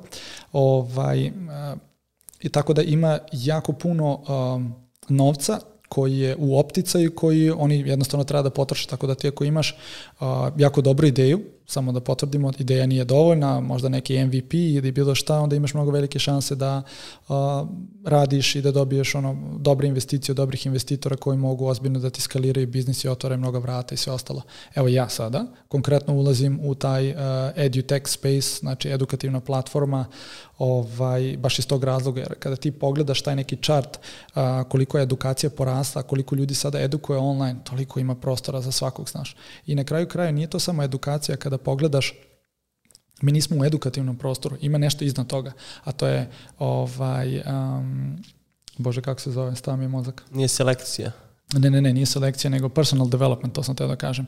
Ovaj, kada si ti u personal development biznisu, šta to znači? Znači, ako ti pročitaš, evo ti imaš ovde puno knjiga, nećeš pročitati jednu, jel tako? Nisi kupi jednu, kupi si 10, 20, koliko god. Isto ti je tako i sa kursevima ili bilo čime drugim. Ljudi će se konstantno edukovati, tako da to je neki čudan prostor gde, a, gde je jako pozitivno čak i da imaš konkurenciju. To je fenomenalna stvar.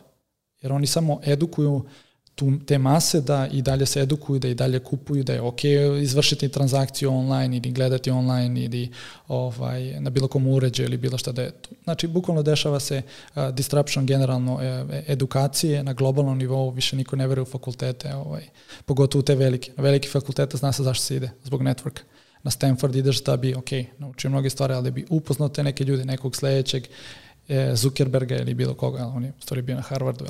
Ali znaš šta je problem sad, kada oni prebacuju edukaciju na, na online? Znaš kao, nemaš networking, gledamo kurse online, a plaćaš školarinu IHH. Ok, slažem se, ali mislim da su oni predvideli taj problem i sigurno će da prave neke community i ostalo. I, znaš, tako da.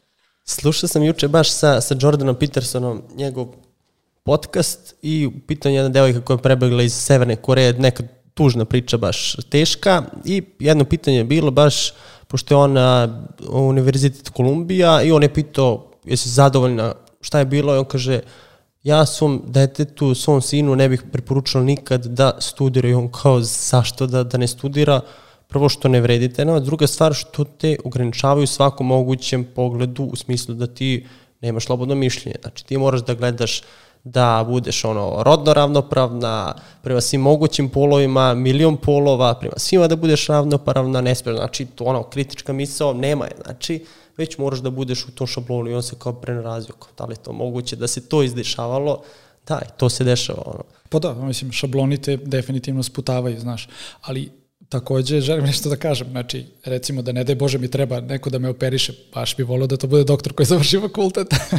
Tako da ima i toga, nije to baš za sve, ali mi malo pričamo o ovom nekom, um, kako se zove, nekoj publici koja i tebe prati i ostalo, koja je u digitalnom svetu. Evo, ako mogu da navedem jedan primer, softvere koje mi sada koristimo za performance marketing, recimo, znači za neke aplikacije koje te prate, evo, ajde baš idemo u detalje. Ima aplikacija koja se zove Kafu. Šta ona radi? O, U, Dubaju recimo nekada benzinske stanice ono bude neverovatna guža. I sad smislili su da ide jedan kamion koji je veoma nizak, koji može da se podvuče ono bilo gde, znači nije visoko, da može da uđe na parking mesto tvoje i da ti sipa gorivo. Znaš, fenomenalna stvar. I oni samo ono, putujuća pumpa, znaš, ide i sipa gorivo. Pazi sad šta software radi. Ja sam napunio gorivo, pun rezervoar. Software, pošto obično je tako, imam telefon sa sobom dok vozim. Software zna otprilike koliko sam ja kilometara prešao, jer računa i brzinu, pa zna da sam u kolima ili peške, je tako? I software zna otprilike, aha, toliko troši otprilike, ovo ono i on izračuna da, kada ćeš ti otprilike da, ovaj, kada će gorivo ti istekne i šalje ti personalizovanu push notifikaciju, ej, sipe gorivo opet. Znači, ono, reminder, ako si imao pozitivno iskustvo, ajmo opet, ovo mi štedi vreme, nema veze, platit ću malo više ekstra i ostalo. E sad, takav software koji sada ljudi koriste se definitivno koristi na fakultetima ako ćeš da učiš nešto vezi IT-a, marketinga ili bilo čega. Zašto sam software košta 20.000 dolara mesečno. Tako da, da, to je taj deo gde su te neke, ovaj, gde su definitivno fakulteti zastareli, totalno su outdated. Vidit ćemo u kom će to smjeru da, da se razvija. Ja ljudima kad pitaju generalno iz Srbije, i baš Ivan Minić je to rekao, ako ono imaš, ne znam, 18 godina razmišljaš o tome, ako nemaš šta pametnije da radiš, idi na fakultet, ono, u Srbiji imaš tu prednost što generalno možeš da upadneš i na budžet, nije kao u Americi, ono, da moraš da uzmeš kredit za ceo život da bi ti studirao, ovde ti to dobiješ besplatno. Iskoristi tu, možda upoznaš neke ljude, ako nemaš šta da, da radiš pametnije, neću da napravi Microsoft ono, sa 18 godina, probaj, mislim, neko što te ništa, mislim, uvek možeš i da, da batališ, nije ništa, ništa strašno, ali vidi ono šta te radi, pa tera. I sad, kad pričamo o tebi kao i o tvojim veštinama, jesi ti generalista ili specijalista? Meni se čini da si ono generalista na, na, na više polja. Više polja, da, da, da, apsolutno. Ne bi ja tu ništa previše dodavao. Tako je, generalista, ono, poznajem sve, pogotovo znam da prodam sve. Znači, šta je to u pitanju? Ako je u pitanju dizajn, razumem, a nemam Photoshop na laptopu. Ako je u pitanju SEO, sve razumem, ali ne znam da ga radim ili bilo što, tako da to je to.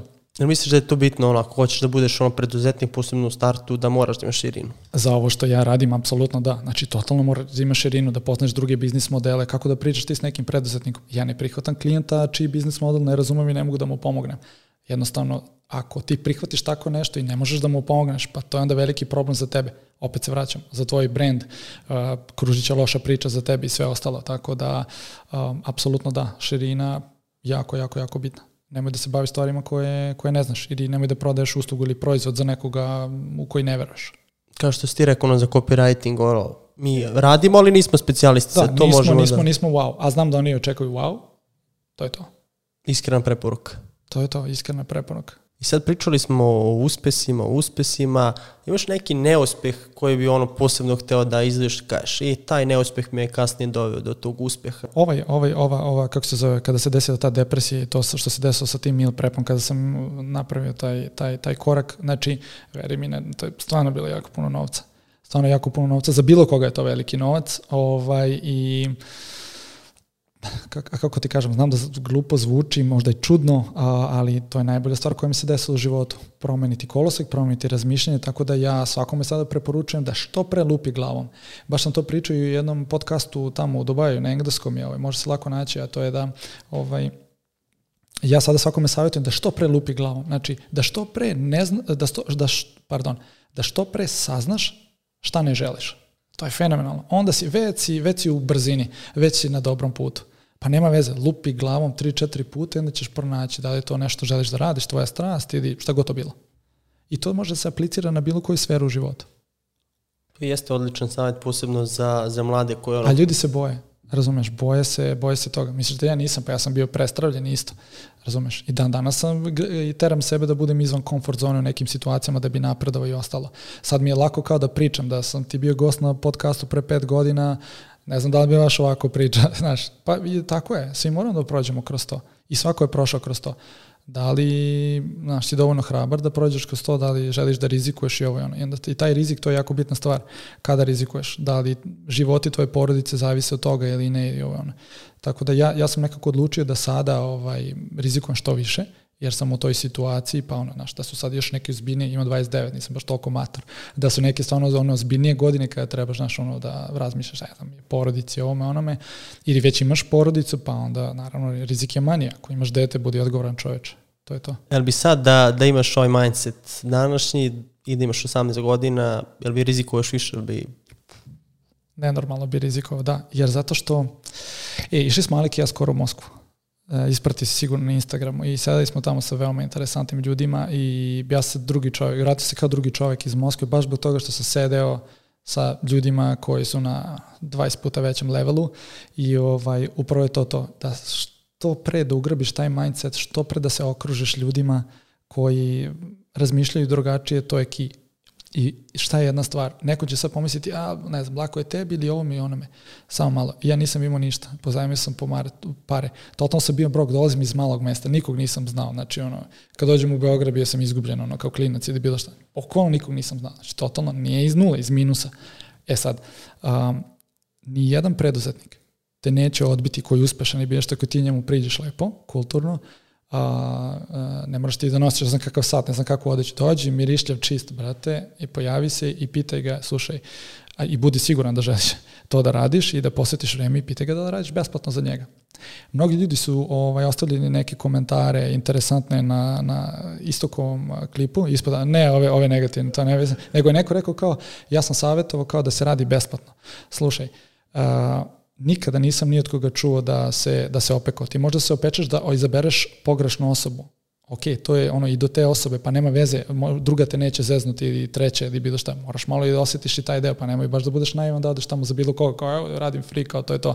Ne samo tako, nego ja sam otišao i zakucao na vrata najboljeg na svetu, Gary Vee, i radio za njega free, u čemu je problem. Naučio, stavite na novi level, idemo dalje. Znači nisam mogao nešto da priuštim, ne znam, nisam znao ljudi ili bilo šta, sam stavio sebe u tu situaciju. Tako da to je to što si rekao. Znači, da imam 18 godina, odmah bi to uradio.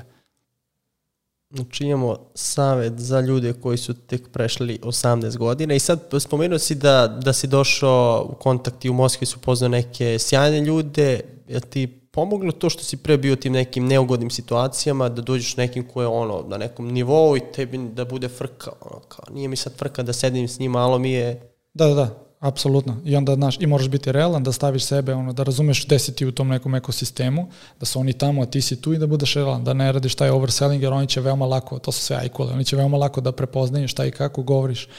Tako je kako je i da, apsolutno se sad opušte, ne znam baš šta bi me nešto previše iznenadilo, da ti budem iskren, ali prošao sam godinu dana znojenja svaki dan. Onaj hladni znoj najgori. Ovaj, znači, kroz taj stres i to je to. Šta ti ono, imaš neki sad, kad se nađeš u situaciji sa takvim ljudima, ono, šta njima ono, da kažem, ponuditi, kako? E, bravo, jako dobro pitanje. To je bitna stvar. I to ljudi razumiju i mogu da se zeznu, da se zadese u toj situaciji da ne kažu pravo stvar ili bilo šta.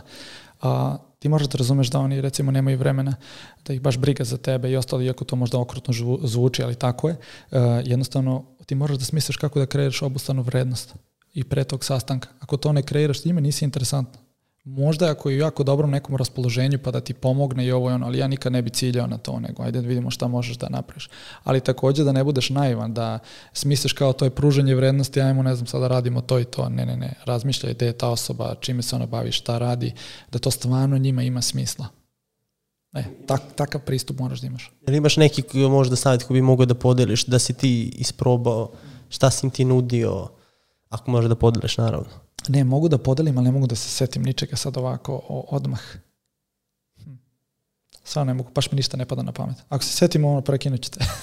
Možemo se vratiti na to. Vratit ću te onda baš ako, Ajde, može, ako, može. se, ako se, mi smo ovde pokrili baš ono širok spektar tema. Verujem da te ljudi dosta pitaju, ono, rekao si da i posle onog klipa kod istoka, da te dosta ljudi mladih pita, ono, šta dalje i dosta se njih baš interesuje za, za Dubaj, ono šta možda izvojiš iz tog ono direct message-a, a da te najčešće pitaju ono, kontam kako da krenem biznis, kako da odem u Dubaj. E da, dosta, dosta ima mladih ljudi, to mi se sviđa koji ono, ili imaju neku šteđevinu ili bilo što i pitaju kao kako da pokrenu biznesu, šta da uđu, da li ja mogu da ih savjetujem. Nikada to ne bih uradio, iskreno. Nikada ne bih ja savjetovao neko kao sad uradi to i to, uđi u taj taj biznis, prvo ne poznajem tu osobu, tako da apsolutno to sebi ne dajem za pravo. Mislim da je to opasna stvar. Da neko ko je u ovoj stolici se, znaš sad kao osjeća kao, ne znam, tvoj gost, sad si nešto bitan, u nekom si podcastu ili on, te nije to tako, budi odgovoran. Prema toj drugoj strani možeš nekoga ozbiljno da, da, da otaraš u neku stranu u kojoj ni ti ni ta osoba ne želite da budete. Tako da uh, uvek gledam da budem veoma onako racionalan, dam neki dobar savet i ovaj, koji možda ga nekad i generalizujem, opet, neka dobra komunikacijska sposobnost gde ću ti reći u principu ispričat ću ti nešto, ne, nisam ti u principu ništa rekao direktno, ali sam te opet motivisao da ono ti ono, kreneš ka tom ili možda da promeniš ideju ili bilo šta. Ali iskreno, ako se neko raspiše i ono ideja deluje, ok, evo sad skoro sam imao poziv sa jednim momkom koji pravi neku aplikaciju i video sam da je on malo skrenuo i vidim da ulaže svoje neka možda i ovaj, kako se zove, mm, ušteđevinu. Životnu ušteđevinu, to ste da kažem. Pokušao sam ne koricim anglicizam pa sam zabagao. Ovaj, e, životnu ušteđevinu i onda je rekao i osjećao sam se loše. Ne poznaje me, a ja kako sad da se osjetim, znaš, dovoljno slobodnim da ja sad tu njemu nešto kao pametujem ili kažem i vidi, hvala Bogu, Znači imao sam tu misao kao da sam privukao da će da me pita i posle jedno 20 minuta dečko me pita i ja mu ispričam i kažem mu da se ono vrati tri koraka unazad i da pazi, on je priča mnogo o produktu samom, a zaboravio je na ljude koji će to da koriste naš. I to se dešava sa svim preduzetnicima. Preduboko si u temi i ne možeš sebe da izbaciš napolje da sagledaš to sa one high level perspektive što kažu ovaj, i eto, na primjer, konkretno njemu mi za njega mi je drago da sam mu, da sam mu ovaj, nadam se pomogao Eto, to je to. Kada me neko pitam, gledam, ako siguran sam u nešto, onda ću reći sigurno, ako nisam, ja, ja ću priznati, nemam problem s tim. Definitivno nisam ovaj, najpametniji. Ali ono se lepo si primetio da dosta mladih sad se zanima za, za biznis, kako da pokrenu sa 18 godina, verujem ni, ni ti ni ja nismo, to jest ja za sebe znam da nisam u tim stvarima ono aktivno ni pitao, ni, ni istraživao toliko, osim što sam čitao knjige, ali kakve to veze ima. Sad sa 18 godina već kreću, probaju, online biznis, ajmo da vidimo. I to je, to je za pohvalu. To, to, to je za pohvalu, samo naš, ono, da paze čije pare e, koriste, da to, ako, je to, ako su oni radili čitavo leto, recimo, i uštedili nešto i onda pukli tu lovu, nema veze. Želim totalno da ih ono ohrabrim u tom nekom smislu. Puno ste naučili, fenomenalno to je to. Nikog niste ugruzili, ni vas, ni porodicu, ni bilo šta. To, to je jednostavno to. Ali, bi dodao jednu stvar. Sad kad kažeš 18 godina, ono, bukvalno si me uplašio, znaš, oni su, mnogo mladi. Ja znam dosta momaka koji imaju 18, 19, 20 godina u Dubaju. Konkretno mi na pamet padaju neki Nemci koji su napravili ozbiljne ono, Instagram biznise. Ovaj, ono, prodaju neke digitalne proizvode. Možda iskaču se reklama ono kao Porsche, jahte. Ali da, to... da, to je njihov, da, bukvalno ti klinci, ali ono, svaka im čast, ok, hustle, super sve, ali ako baš mogu da biram, onda bi više rekao nekome, ej, bolje nema ništa da pokrećeš, stresno je, pretuzetništvo je katastrofa, e, nažalost ili sreću je to sad kao popularno i onda znaš, e, svi hoće da uđu u to, svako mi sad, ej bre, mnogo je teže biti preduzetnik nego raditi za nekoga. Nekada, majke mi je lepše raditi za nekoga, imaš platu, imaš osiguranje, imaš slobodne dane, ja ovde nikad ne mogu ono 100% da se opustim. Mislim, ima, sve ima svoje ono, prednosti i mane, ali teže biti preduzetnik, znaš. Razmisli tri puta da li želiš da uđeš u to ili ne, to je prva stvar, jer imaćeš mnogo tih mentalnih situacija da ćeš boriti sam sa sobom, ovaj, ali ja jednostavno imam ono, neke velike ambicije i ne želim da imam neki ono, normalan osrednji život, nego želim da pokušam, ono, da imam 60 godina, ne moram da uspem, ali ako sam dao sve od sebe, ja sam miran. Uh, to je moj mindset. Šta bi onda rekao za 18-godišnjake? Konkretno, da se približe nekom i da uče.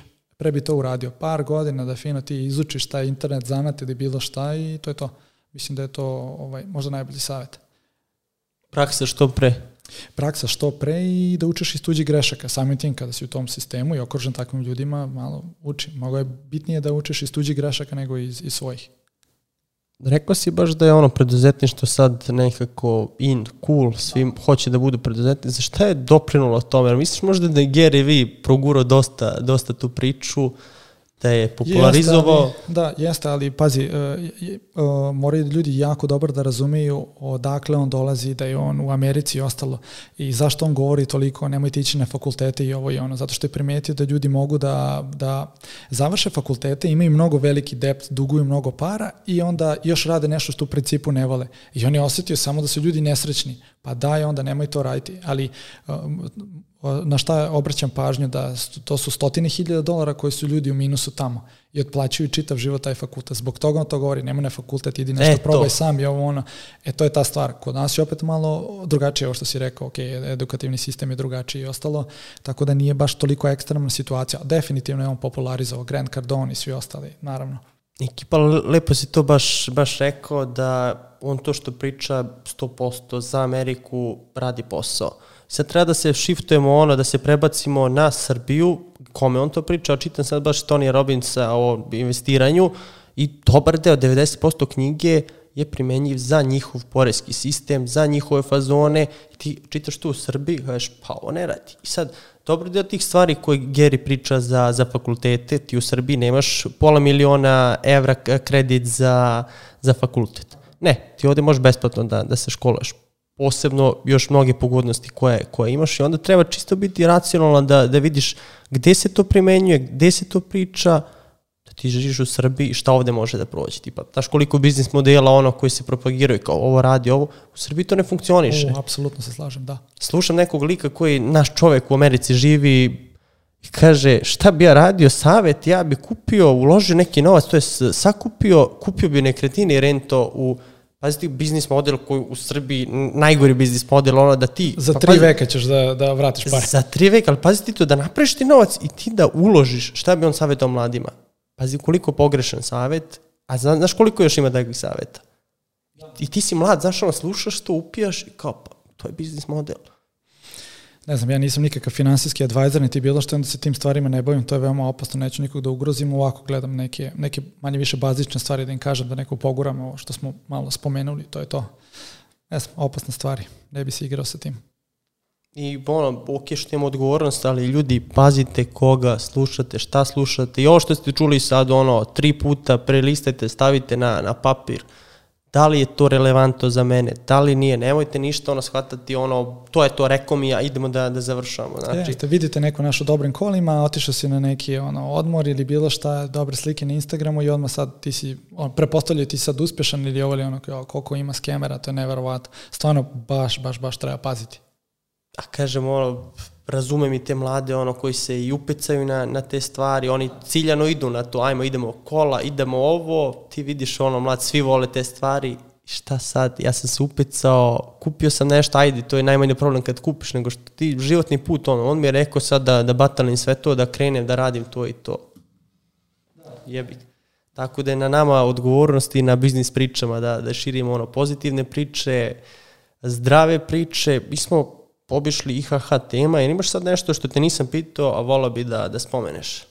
U, baš smo dosta toga istresli. Uh, opet, ništa mi ne pada na pamet. Jedno sam ti pitanje propustio i dalje ne mogu da se setim primjera. Setit ćeš se pa ćemo staviti u, u komentaru. Znaš šta sam hteo da, da te pitam? Ono, možeš možda da izvojiš neki, ono, da kažem, neku osobu koju si upoznao tamo ili u Dubaju ili negde u inostranstvu ili u Srbiji, a koja ti ono bila ultra zanimljiva i hteo bih to da, da podeliš sa gledalcima. Možda neki šejk. Ako smiješ, naravno.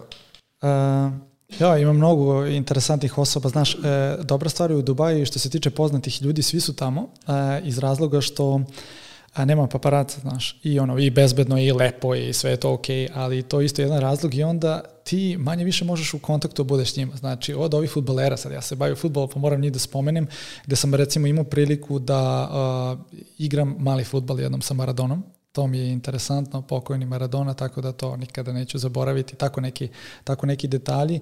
E, što se tiče biznisa, jako puno ljudi, jako puno ljudi sa kojima sam i sada u kontaktu, ono, apsolutna mi je čast što i znam i što komuniciram s njima i sve ostalo. Um, Pa da, imao sam ovaj interesantan sastanak skoro za, za ovu edukativnu platformu gde smo išli sa, sa nekim ko je baš iz, iz, iz eh, taj, tog Royal Family u Dubaju, znači nije neki običan šejk, nego šejk koji se pita što bi, što bi rekli i to je bilo onako jedan interesantan sastanak gde je on na taj sastanak došao helikopterom, pa znaš eh, kako te tamo ugoste, stvarno to ne može da se opiše, kako je sama ta zgrada, kancelarija, taj, taj meeting room i ostalo i razgovor s njim i koliko je on normalan na kraju kraja. Ne možeš da veruješ koliko je skroman i normalan, da recimo eto to. I koliko je ono, inteligentan, koliko dobro komunicira, koliko dobro postavlja pitanja, koliko ispoštuje drugu stranu. Koliko sluša. Koliko, uf, da, koliko sluša. Da. Tako da eto, on mi prvi pada na pamet jer sam to bukvalno tu situaciju imao sada pre nego što sam došao ovde, ovaj, ali jednu osobu moram da spomenem, a to je ovaj, e, Cvita Pavlović, žena koja mi je najviše pomogla, ovaj, to, je, to je žena koja, sa kojom radim e, koja je psihoterapeut, s kojom i dan danas komuniciram, jutro smo se čuli, ona je pa ono, postala mi kao druga majka, znači ona je apsolutni genij.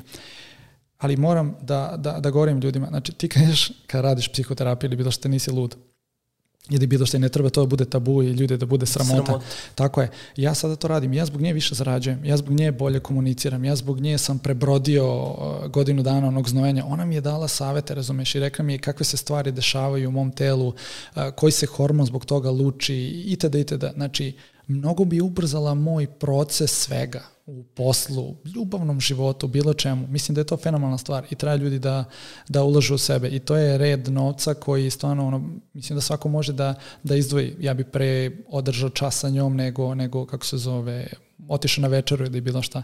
Eto, to bi, to bi izdvojio jer sam primetio da kada sam spomenuo to nešto oko, oko psihoterapije, depresije i ostalo, mnogo ljudi me kao pohvalilo i šalju neke poruke, vratno su se i oni pronašli, njih je sramota i kao svaka ti čast što si to rekao, pa ne znam, ja nemam problem s tim, šta, šta sad, problem kao što svi drugi imaju druge probleme, ja sam da ja tako imam taj i rešio sam ga, uspešno i što ne bi nekome olakšao, ja znam koliko je teško. Tako da nju bi spomenuo, njoj ono, dugujem sve na svetu i ja da čekam da dostignem neke ciljeve koje sam zacrtao pa da imam nešto što sam smislio kako njoj da se odužim. Tako da nju bi spomenuo. Ona je fenomenalna. I sad za ljude koji se možda prepoznaju u toj priči depresije, šta njima savjetuješ? Znači da nađu psihoterapeuta. Da, Šta je prvi i, korak? I, i, I tu treba paziti. Pa da, ono, dobro psihoterapeuta, znaš, zato što ona ne može baš prijatelj da ti pomogne, može te sasluša, ne može ti da konkretan savjet. Skratit ćeš proces da izađeš iz toga. To su neki teški dani. To ti kao ono, imaš loš dan, a sad, zamisli mesecima imaš loš dan, ono, stvarno se više smoriš. Tako da to je, to je ta neka situacija. I onda da ti neko objasni zašto ti se to desilo, šta se dešava, kakav je proces, da se endorfin malo zarobio, da ne može da izađe taj hormon sreće i ostalo i to je jednostavno to. I normalna je stvar, znaš, um, toliko nam se promene agresivno dešavaju u današnje vreme i zbog interneta i svega koliko informacija konzumiramo i ostalo da toliko je sve high pace da ne može ni gen više da ti prihvati te, te promene, tako da je to normalno i nije ni čudo što se sve to više dešava. Tako da da, to bi, to bi bio prvi, prvi korak. Ono, posavjetujte se za neku profesionalnu pomoć, nemojte da, bu, da vas bude sramota i to je to. Ja verujem da je kod mnogih ljudi možda i prvi ono, neki čas sesije ili kako god, ovaj, možda, i, možda i besplatno. Naravno da treba da ti legne ta osoba i sve ostalo, tako da eto, možda bi, možda bi to preporučio. Odličan savjet za ljude koji se prepoznaju. Nije sramota, tražite A nije pomoć. sramota, naravno. da to ne pređe u nešto mnogo ozbiljnije. Mare, hvala ti za ove divne, divne savete koje si, koje si dao na divnom razgovoru, pa ono, nadam se sledeći put kad dođeš imat ćemo još neku priču da, da podelimo. I ja se nadam, hvala tebi puno, baš sam uživao, sjajna pitanja i stvarno se nadam da smo pružili nekome vrednost, neka se ljudi osjećaju slobodno da kontaktiraju, pogotovo na Instagramu, na Facebooku sam koliko toliko aktivan na Instagramu slobodno, tako da je to... Stavit ćemo link, pišite E, može, kom, komentare, tako da ljudi vidimo se. Mare, hvala još jednom što si, što si bio. Vidimo se u narednoj epizodi.